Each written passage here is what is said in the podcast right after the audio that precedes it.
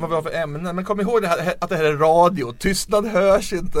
Nej, men det var för att vi inte skulle skratta åt dig. Vi borde ha någon burkskratt Alltså Fredrik, jag sänder alltså Ja, detta på Ja, Facebook jag säger jag ju. göra det. för- Ha vad är burkskratt. problemet med det Det det är att du ska börja prata Jag vet radioprogrammet. inte vad vi har för ämnen ens. Jo, men... Har ni koll Det på är ju du som har skrivit Det ämnena. Ja, ja, jag har glömt det. En podcast från Aftonbladet Ledare.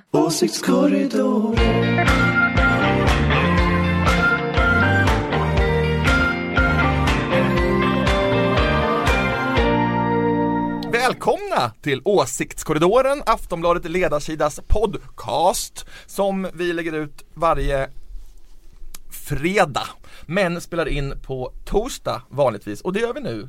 Klockan är 11 ungefär på eh, torsdag. Så allting som händer efter detta känner inte vi till, eller hur? Ulrika Schenström, Hej, nej vi känner inte till saker efter den här inspelningen. moderat, Det är moderat. riktigt Även om moderat. vi är bra på att förutse vad som händer. Ja, vi är väldigt bra Jonna. Sima Ja. från ledarredaktionen och Anders Lindberg, du får vända den här nu och visa dig. Ja, eh, förlåt, det är Anders som även filmar det här just nu. Eh, som också sosse och jag är Fredrik Virtanen och då i de här sammanhangen på lika sida. Ja, han försöker. Ja, så gott jag kan. Eh, kul att ni lyssnar. Vi ska först fråga oss vad har eh, Hultqvist gjort? Vet vi? Han har väl varit på något möte va? Är det inte så? Jag tror att jag har skrivit ner det här, varit lite duktig flicka här. Ehm, han har varit på toppmöte i Bryssel. Åh, var det en EU-armé vi skulle skapa där? Ja, Ja. Men han pratar nog mest Ryssland, Trump och ehm, NATO va? Jag går det med NATO? NATO borde vara ett glömt, Nej ta inte glömt upp kapitel. det här med Nej, NATO nu, då går han det, igång. det. Jag orkar inte. Det är sant, det är sant. Det är Jo liksom, men det är faktiskt oh. lite det som är, är ämnet Fast det är framförallt är det väl så att Trump lite sabbar i NATO så att, så att nu, nu ska ju EU bilda något eget där Mm. Aha, Vilket så ju är rent fånigt för det kan inte EU men, men ja det var väl Mm, därför mm. mm. det verkar vara var en där farlig konflikt. Vi får väl se. Mm. Intressant att Stefan Löfven inte har kontaktat Trump än. Och sagt, han har, Ja, per, via, inte. via brev bara har han gratulerat till segern men inte eh, Löcke Rasmusson, alltså Danmarks statsminister har minsann fått ett telefonsamtal. Vadå, brev av den gamla typen, ett pappersbrev med, med frimärken på? Ja. Dear Mr President. Det kommer Det är därför han inte har svarat för det kommer komma fram nästa vecka Ja, det går ju med båt över tror jag. Det. Eller också var det airmail, by airmail. By air. Som vi gamla minns. Eh, ska vi börja med, vi ska börja med, ta lite Trump då när vi ändå eh, var inne på det. Ja. Mm. För det är ju klimat eh, eh, klimattoppmötes problem här nu. Ehm, Trump verkar ju som att han han tänker eh, strunta i ingångna avtal. Och jag tror att det här pratade vi lite grann om förra gången och jag tror att det är bara att inse att han kommer nog göra ganska mycket som han har sagt att han ska göra. Ja, ni, Jag ni tror att Anders och jag, ja vi förklarade det för dig Ja. att du, du tappade helt Ja, konceptet det var då jag spårade, då, Då då, spåra Fast ur. det är ju det mest skrämmande av allt. Ja, alltså, att, att liksom, nu har vi, nu kan vi ju titta tillbaka på valkampanjen, alla de här dumheterna han har sagt. Alltså vi måste ju ta människan på allvar och det är ju helt, det är ju helt skräckinjagande. Ja, Men, men frågan nu med klimatavtalet är ju exakt hur drastisk han kommer vara. För han kan säga upp det här Parisavtalet men det kommer i så fall ta ändå fyra år tills det i så fall bryts. Och då kan det i princip vara en ny valkampanj och han kan ersättas med en ny president så att det inte verkställs. Men han kan också vara ännu mer drastisk och helt gå ut FNs klimatkonvention och då kan det brytas, alltså då bryts ju samarbetet med FN mellan USA och FN på ett år som jag förstår det. Så att vi får se hur hemskt det kan bli. Ja, men ni var ju deppiga, eller ni gjorde mig deppig, jag var ju redan deppig men då tänk, men här om man nu slopar alla eh, ingångna miljöavtal då kan jag helt, rent konkret ta livet av världen också, alltså på ett helt annat sätt än att införa fascism i, i, i världens finaste demokrati och så vidare. Det här är ju, det här är ju, det här är kanske ännu värre. Nu, snart kommer jag Nej men, alltså, jag, jag mådde, inte mer. nej men jag mådde illa när jag hörde Sveriges Radios rapportering igår om vad han kan, vill göra. Eller man har ju vetat om det. Men lägga ner USAs miljödepartement, satsa på oljeutvinning via fracking, starta kolgruvorna, liksom minska all, alla stöd till grön omställning. Ja. Det kommer gå åt. Okej, så vi bara konstaterar det igen då. Ja nej men alltså Men du jag har ju din teori om att Fast eh, det solen går positiva, upp imorgon nej, men också. Jag det, visste att det, den det, skulle finns komma ju, det finns ju någonting ändå någonting positivt man kan tänka här att nu liksom, EUs reaktion ändå att man ändå samlar sig, man sätter sig runt ett bord, man funderar Det är ju så att vi är inte helt ensamma i den här ondskefulla världen Vi har liksom ett, ett ändå eh, Europeiska unionen och, och, och det finns ändå någon slags möjlighet i att man samarbetar med våra grannländer och sådär Ja och jag tyckte att det var väldigt hoppfullt att höra han som är regeringens klimat för klimat, vad kallas det som är tales, han som var för Naturskyddsföreningen förut, ordförande där. Eh, han är i alla fall regeringens klimat Förhandlare förhand, kanske? nej inte förhandlare men ja. eh, som driver- Ambassadör? Ja någonting. Ambassadör säkert Ja, Eh, jag tror att det är Axelsson klimatambassadör. tror jag han heter eller något Ja. liknande. Men han var väldigt positiv alltså, i alla fall för han sa att, att Trump kom egentligen tio år för sent. Eh, teknik eh, eller utvecklingen har sprungit ifrån honom. Alltså de gröna omställning, alltså innovationerna har kommit så långt att de är mer lönsamma idag än att öppna kolgruvorna till exempel. Intressant, det hörde jag också att, att Kina kanske tar över stafettpinnen för de liksom uppfattat det här som en god affärs... Alltså de höll ju en presskonferens idag Kina och sa att de kommer ju leva upp till det här avtalet oavsett vad USA gör. Och jag tänkte att PM Nilsson av alla, alla debattörer skrev faktiskt en ganska intressant text om det här i, i Dagens Industri för ett par dagar sedan där han just sa det som Jonna var inne på här att, att liksom, nu har ekonomin blivit så förgrönad att, att det, det kommer liksom inte riktigt att gå att bromsa den här typen av utveckling och det finns en massa ganska starka ekonomiska krafter i USA som är intresserade av att fortsätta tjäna pengar på Precis. en klimatomställning så att, så att det, det, som- det, är nog, det det, man kan nog ändå finnas lite grann motkrafter. Med, det är ju att det oavsett vad som kanske kommer att hända så är det ju ändå ganska Det är ju hemskt att en, en person som leder en sån stort land och en sån stor ekonomi inte tar det på allvar. Det är väl det man kan liksom Ja ändå precis. Ja och, som och oroligt. tillsatt, de, det sägs ju att de, han kommer sätta, tillsätta någon slags miljöminister eller- vad de nu kallar det för som är klimatförnekare precis som Trump själv. Men du Ulrika, vilken, vilken, för det har inte jag riktigt koll, vi har inte sagt så mycket miljö här. Eh, är du, vilken typ av moderat är du? Är du en klimatförnekare eller de som faktiskt tror att klimatet håller på att gå dåligt? Jag är nog mitt emellan. Okej. Mm. Jag är nog ganska mainstream där. Jag tycker inte om att undervärdera, och undervärdera eller med, eh, nedvärdera eh, frågor överhuvudtaget. Eh, utan ta saker på allvar eftersom vi faktiskt inte Varken, jag är inte hundra men jag är heller inte, inte förnekare på något sätt. Nej, okej. Jaha, har vi deppat klart om det här nu då? Eller var vi positiva här? Att Kina kommer att Nej, bli våra alltså jag är inte särskilt positiv. Jag, jag, tycker, jag tycker liksom att det blir bara, men det är så mycket elände så det känns som att vi kanske Alltså på något sätt så känns det snart som att vi, vi borde, måste kunna prata om något annat. Jag, Ja, men- på min Facebook till exempel så var och varannan människa skriver så här, jag är politiskt deprimerad och sådär. Och det känns ju som att det, det är ändå, ja. Jag höll alldeles nyss på att göra en uppdatering på Facebook att livet är ju ganska bra ändå. Solen går upp imorgon också. Jajamän, Nej, vi men måste jag- hålla hoppet uppe. Jag det sa det- ni Weimarrepubliken 1938 också. Nej men jag Ja, tyckte men det var den kul att jag pratade med en av mina Så du ändå, du du har ändå en viss, För att motarbeta ondskan måste vi hålla hoppet uppe. ja! Så, Bra.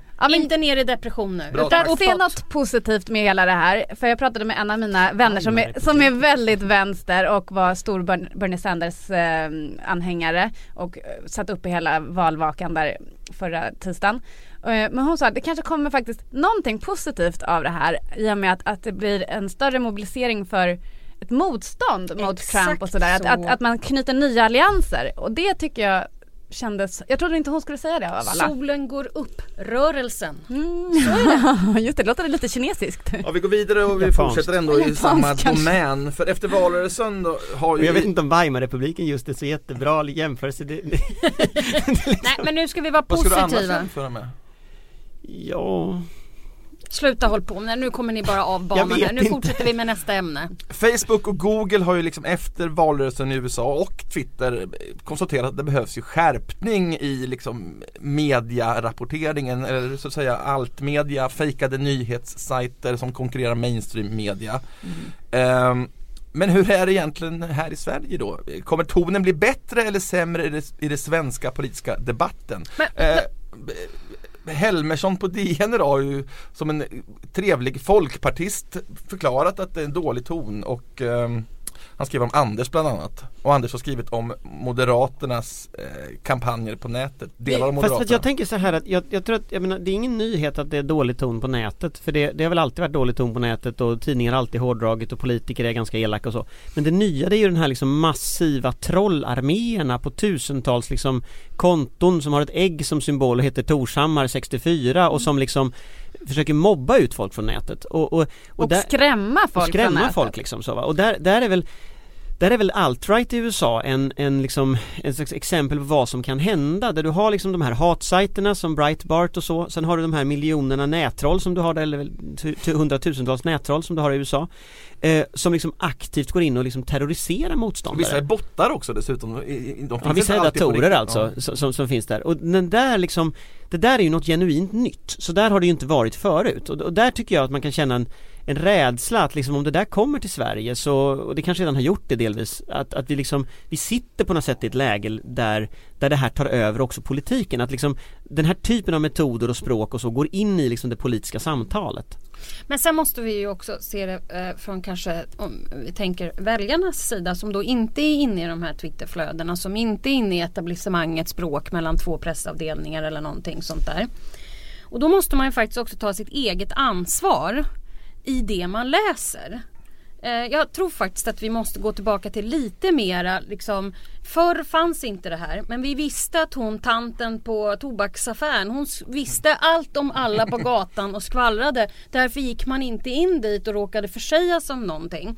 Vi måste liksom tillbaka till Källkritiken. kä- vår egen källkritik. Vi kan ju liksom inte bara hålla på och säga att de är dumma eller de är dumma. De här pressavdelningarna har ju bråkat med varandra i evigheter. Det är bara att nu är det en ny form och jag tycker att det är hemskt med de här trollen. Det är ju jättedåligt men jag orkar inte ens läsa det. Ja, fast det där är ju också, en- det är också en, intressant grej att, Jag att tror att vi måste gå tillbaka till vårt eget ansvar i hur vi tittar på saker och ting. ja, för, för, där, för, För, där, vi är där ju blir inte också helt av banan alla människor. Nej, kan men- ju men inte det- vara helt dumma i huvudet och tro att allt är sant som står på Facebook. Jag menar allting Fredrik Virtanen talar om för mig om vi skulle äta lunch kanske inte är sant. Nej men Nej men det är också intressant för att va, var och en av oss är ju vår egen publicist på ett sätt som vi inte var förut. Och, och, men, men i väldigt hög utsträckning utan publicistiskt ansvar, alltså för Facebook, för Twitter och sådär. Nu finns det ju ganska många som är anonyma också men, men, men om man liksom tar de som inte är anonyma då, då är ju så att säga, alltså vi, vi kanske skulle också försöka gå tillbaka till de här liksom gamla pressetiska hederliga funderingarna om att liksom stå för det man kan, kan eh, kan publicera, Publicera. att liksom ta ansvar för att det inte ska drabba människor på ett Ja. väldigt hårt sätt och sådär. det finns säkert massor med saker man kan göra men man måste också ha ansvar för sina egna uppfattningar och ta ansvar för det man läser och hur man läser saker. Men jag tycker- om, det, om, om, vi tar, alltså om, om någonting heter någonting som liknar Dagens Nyheter, kanske heter Nyheter Idag eller heter Dagens Nyheter med nästan samma logga. Mm. Det är jättesvårt för en vanlig människa som inte hänger med eller som inte, inte kan det där. att- jo att men det måste vara en kombination av ditt, e- ditt, egen, eh, ditt eget ansvar och säkert eh, kanske spelregler. Och sen jag har det blivit någon det här, ny- men alltså, nej. Jag, jag bara tänker på hur jag själv om jag, om jag läser någonting, och ni kommer ihåg den här gamla tidningen En ding ding ding värld eller någonting sånt En ding där? ding världen prenumererade Ja, jag på. Ja. och, se hur det gick. Och det var ju helt tokiga saker. Den var kul! Nej, Nej men man känner sig som man läser huvuden den ibland när man ja, läser på nätet. eller hur va? Och jag tror att det där är, det där tror jag vi måste eh, då, då, Buzzfeed då, hade ju någon nyhet idag när de hade gått igenom mängden fake-nyheter och riktiga nyheter i valrörelsens slutskede i USA och konstaterade att det var ju en större andel fake-nyheter som fick som toppbetyg på Facebook därför att, därför att det var lite roligare att sprida fake-nyheterna och fler delade dem, fler gillade dem. Men, ja, men Ja. absolut att, att man har ett eget individuellt ansvar och så vidare men, men de här stora eh, multimiljards eh, företagen har ju ett ännu större ansvar som Esen Fadakar här på Schibsted sa i Kulturnyheterna tidigare i veckan att Gör man sådana hiskeliga vinster som Facebook gör, alltså flera miljarder i kvartalet eller vad det nu var, eh, Eh, då borde man ha råd också med, med anställda som sitter faktiskt och eh, rensar i de här fejknyheterna. Ja i någon mån men då blir det så här, då kommer ju folk att prata om intrång i yttrandefriheten och sånt. Fast det är så fascinerande, det, det, yttrandefrihet är ju inte att man liksom har rätt till en megafon Mm. Utan yttrandefrihet är att man har rätt att säga vad man vill men om det är så att man står och ljuger Då är det klart att någon annan måste kunna säga emot och säga att nej men det här vill inte jag sprida på min plattform eller det här vill inte jag sprida i min tidning Och det är ju samma publicistiska ansvar som Exakt. varje tidnings, eh, ti- ti- tidning har Grejen med Facebook är att nu är de världens största publicist men har inte tagit publicistiskt ansvar. Men kan det bli så att det blir som i USA på annat vis att eftersom pressetiska systemet som vi alltid har följt, det skiter man i på nätet. Och då, då måste, för att få rättvisa då måste domstolar börja kliva in och man får göra privata stämningar och sådana här saker alltså, som reglerar det här. Att det blir ett, ett lag och rättvisa samhälle. Nej, det vore ju förfärligt för, för alltså det är också, det är också det, så där håller ju alltid högerextrema troll på med. De hotar ju alltid med stämma, stämma folk för olika saker. Eh, nu ser inte rättssystemet ut så. Eh, så att, så att du kan, Sverigedemokraterna kan inte stämma en journalist för att den kritiserar Sverigedemokraterna och så. Men, men, men det är klart att liksom om, om det inte finns något ansvar överhuvudtaget och vi har de här uppmärksammade fallen där barn till exempel har nätmobbats till punkten att man har tagit livet av sig och sådana saker. Det är klart att då måste ju rättssamhället ett ganska långt tag innan dess kliva in och stoppa det här. Eh, och, och, men då tror jag att där finns det lagregler redan idag i ganska hög utsträckning. Det som är nytt nu och det som liksom måste så att regleras eller måste funderas och där tror jag på någon slags frivillighet ändå. Det är de här stora plattformarna hur de sprider saker. Men- men- och jag tror men- att lag är, jag tror att lag är ganska Du, du är olämpligt. säkert inne på massor med saker som är helt rätt och sådär. Men jag vill bara så här. Folk har tagit livet av sig för mobbing i, i andra eh, former tidigare. Och jag menar enda sättet att komma till, till, till liksom Eh, komma från det där. Det måste ju rimligen vara att vi blir lite schysstare mot varandra. Eller hur?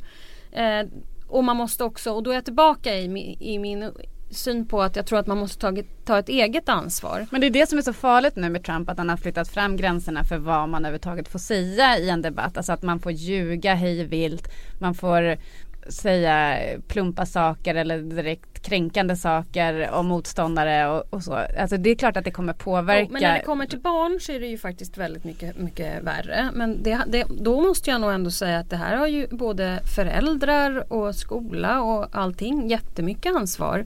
Att få dem att förstå att man inte kan vara oschysst mot sina kamrater på nätet. Precis Fast- som man inte kan vara är- oschysst det- mot det- sina kamrater i, i klassrummet. Eller på skolgården. Eller på kalaset. Eller vad man nu än är. Men det där är ett ganska svårt samtal därför att å ena sidan så har ju alla barn nu sett Trump eh, Alltså alla barn ser ju nyheter och läser nyheter speciellt eh, som väldigt många barn också har iPad så att liksom de, de diskuterar ju saker som händer eh, och, och det innebär ju att när Trump nu vann eh, så, så det är ingen slump att rätt många så relationsnyheter på nätet just nu är hur pratar du med dina barn om Trump? Hur hanterar du de här frågorna? Jag såg att Svenska Dagbladet Junior, den här tidningen som är riktad till barn, de hade det här på framsidan liksom. Eh, hur, hur, hur, hur, hur, rädda ska vi vara för Trump och sådär? Och liksom, så jag tror barn funderar väldigt mycket på detta. Och nu sätter ju han ett exempel som ju, ja man undrar ju liksom vart, vart det tar vägen. Ja, problemet- Om han är president på det sättet han var kandidat så kommer vi ju ha fyra år av sånt här Och problemet med nätet är ju att man kan göra saker anonymt. Alltså det är just en annan sak att säga det. kunde man göra förr också. Jag ringde massor med bussamtal, satte ihop olika telefoner. Man kanske kunde skicka brev förut Men också. Ulrika, helt. du kan ju inte förneka men internets hela inte det. utveckling och förstärkning Nej. av alla de här Nej. Fredrik, det gör jag inte. Jag Nej. försöker bara få ner det också till lite så här. Det, det, är, inte, det är inte nytt att människor beter sig illa mot varandra. Nej, Nej men det är accelererat. Nej men, nej, men det Jag tänkte jag också på i Erik. Försöker, jag är inte emot det. Nej, Jag men, säger nej men det tänkte jag också med Say hello to a new era of mental health care. Cerebral is here to help you achieve your mental wellness goals with professional therapy and medication management support. 100% online. You'll experience the all new Cerebral Way, an innovative approach to mental wellness designed around you. You'll get a personalized treatment plan from a therapist, prescriber, or both in a safe and judgment free space. Your Cerebral therapist or prescriber will outline a customized plan with clear milestones along the way so you can get to feeling your best. With Cerebral, you're not alone in your mental health journey. We're here to empower you to live a fulfilling life. So take that first step towards a brighter future and sign up today at cerebral.com slash podcast and use code ACAST to get 15% off your first month. Offer only valid on monthly plans. Other exclusions may apply. Offer ends July 31st, 2024. See site for details. Erik Helmerssons text att han tog upp att, att Olof Palme och Bom, Gösta Bohman eh, att de, de hade ju vassa eh, meningsutväxlingar om man säger så. Eh, men att det inte var i närheten fast det var det ju alltså kampanjerna mot Palme och så vidare. Vidriga. ja, så att det är klart men det har accelererat på ett helt annat sätt i och med internet. Fast tänk, tänk, tänk, alltså för jag, jag tycker att vi är ändå i något nytt skeende nu sedan ett par år tillbaka. Så tänk pa- kampanjerna, politiker har alltid betett sig som idioter liksom. Det, det, det kan vi gå tillbaka Spär du ett på par hundra år. politikerföraktet nu? Nej men vi vet ju att det är så, alltså så tyvärr. Men det nya nu, hade Palme-kampanjerna varit nu på nätet så hade det varit en helt annan hårdhet, en helt annan räckvidd. Många fler människor hade kommit liksom i kontakt med dem.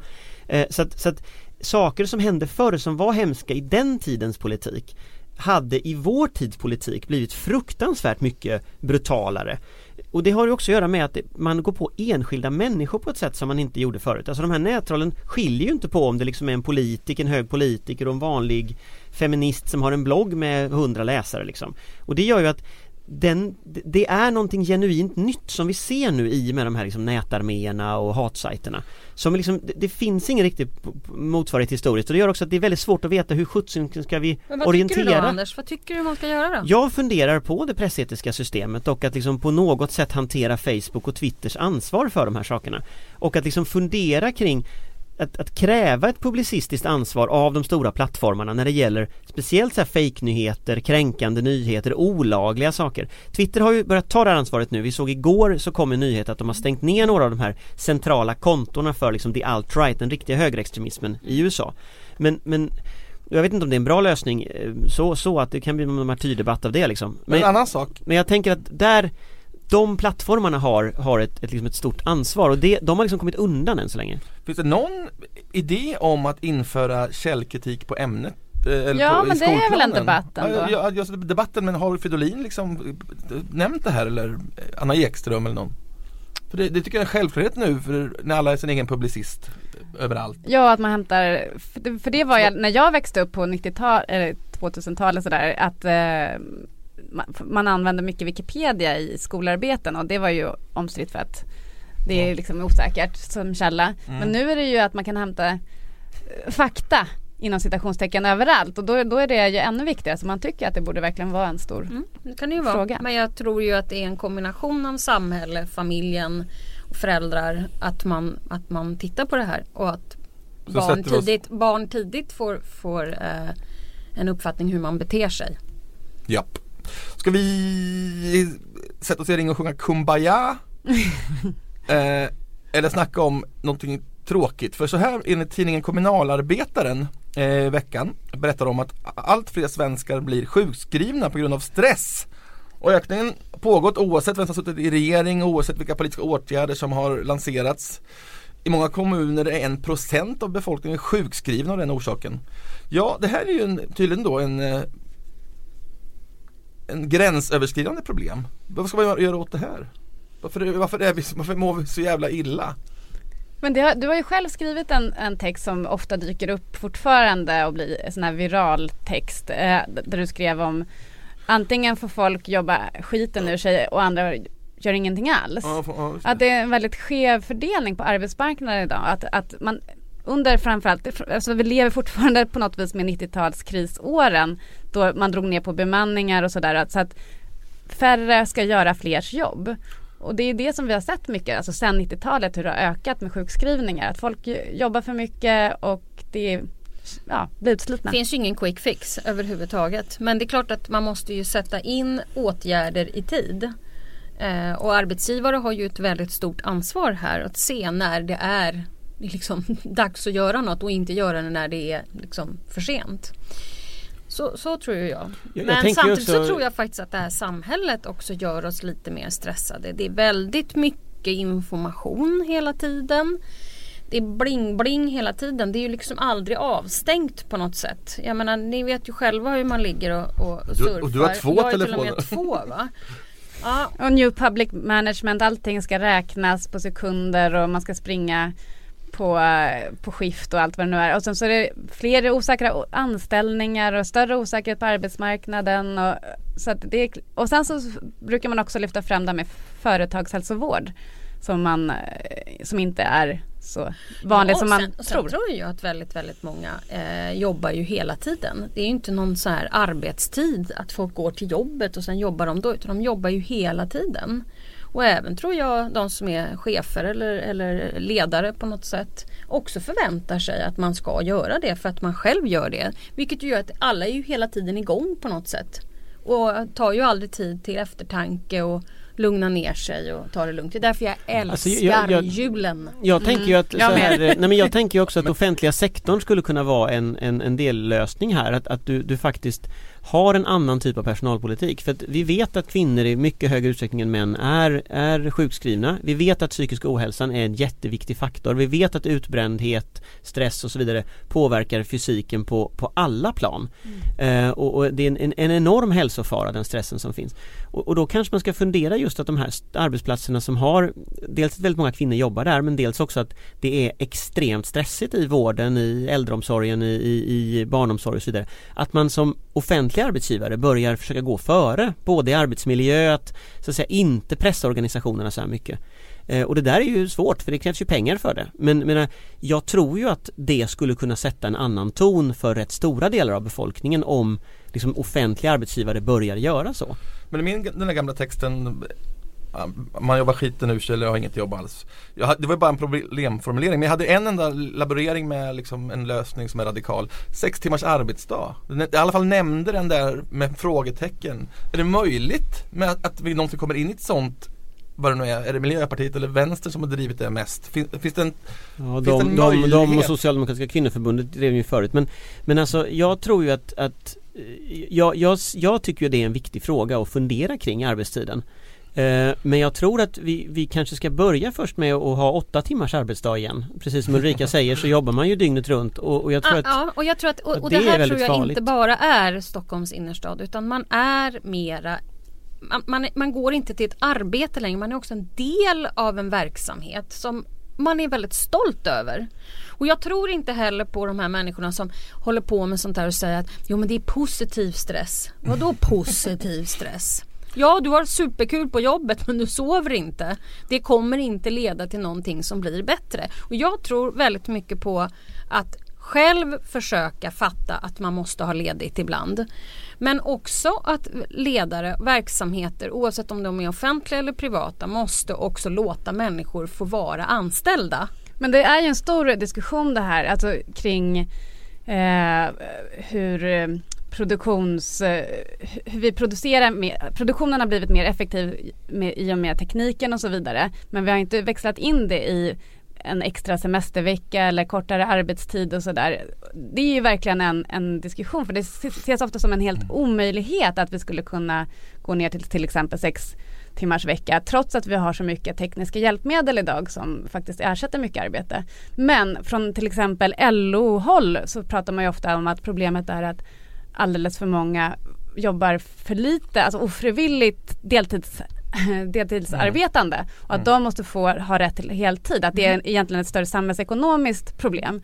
Eh, Men jag tycker att man borde kunna hålla de två bollarna i luften samtidigt. Att vissa jobbar absolut för lite så att de inte kan försörja sig själva. Och blir stressade av det. Ja men absolut. Och sen så andra jobbar alldeles för mycket och ska faktiskt få ha de här, borde ha de här åtta timmars veckorna. Sen, sen är ju jämställdhet en viktig, en, en, en viktig fråga i sig därför att, därför att dels är det den här ekonomiska stressen att människor tjänar för lite pengar att man liksom måste oroa sig hela tiden för att pengarna ska räcka till eh, Som ju är en konsekvens av de här ofrivilliga deltiderna, konsekvens för att män tjänar mer än kvinnor generellt. Men sen har vi också hela den här liksom ojämlikheten på arbetsmarknaden. Att, att, att en, en, en grupp klarar sig ganska bra, har ganska mycket fasta anställningar, har ganska bra villkor, har rätt, rätt eh, rätt stora möjligheter, rätt stor makt, liksom egenmakt på jobbet. Medan en grupp eh, allt blir, mer blir maktlös med dåliga arbetsvillkor, dåliga bostäder, eh, väldigt lite betalt, väldigt osäkert liv. Eh, och liksom den där skillnaden, liksom att på något sätt försöka gifta ihop det där, få ihop det där igen, att få bort de här sms-anställningar och sådana här saker. Det tror jag är liksom någonting som, det känns inte som att några politiker egentligen pratar om det här idag. Men ändå så blir det en allt större del av befolkningen som lever under de här fullkomligt bisarra villkoren. Det är lite spännande nu när den här idol diskussionen kom nu när liksom de utnyttjar de här stackars idol, eh, idolmänniskorna som vill liksom ja, bli kända och så får de nästan inget betalt överhuvudtaget.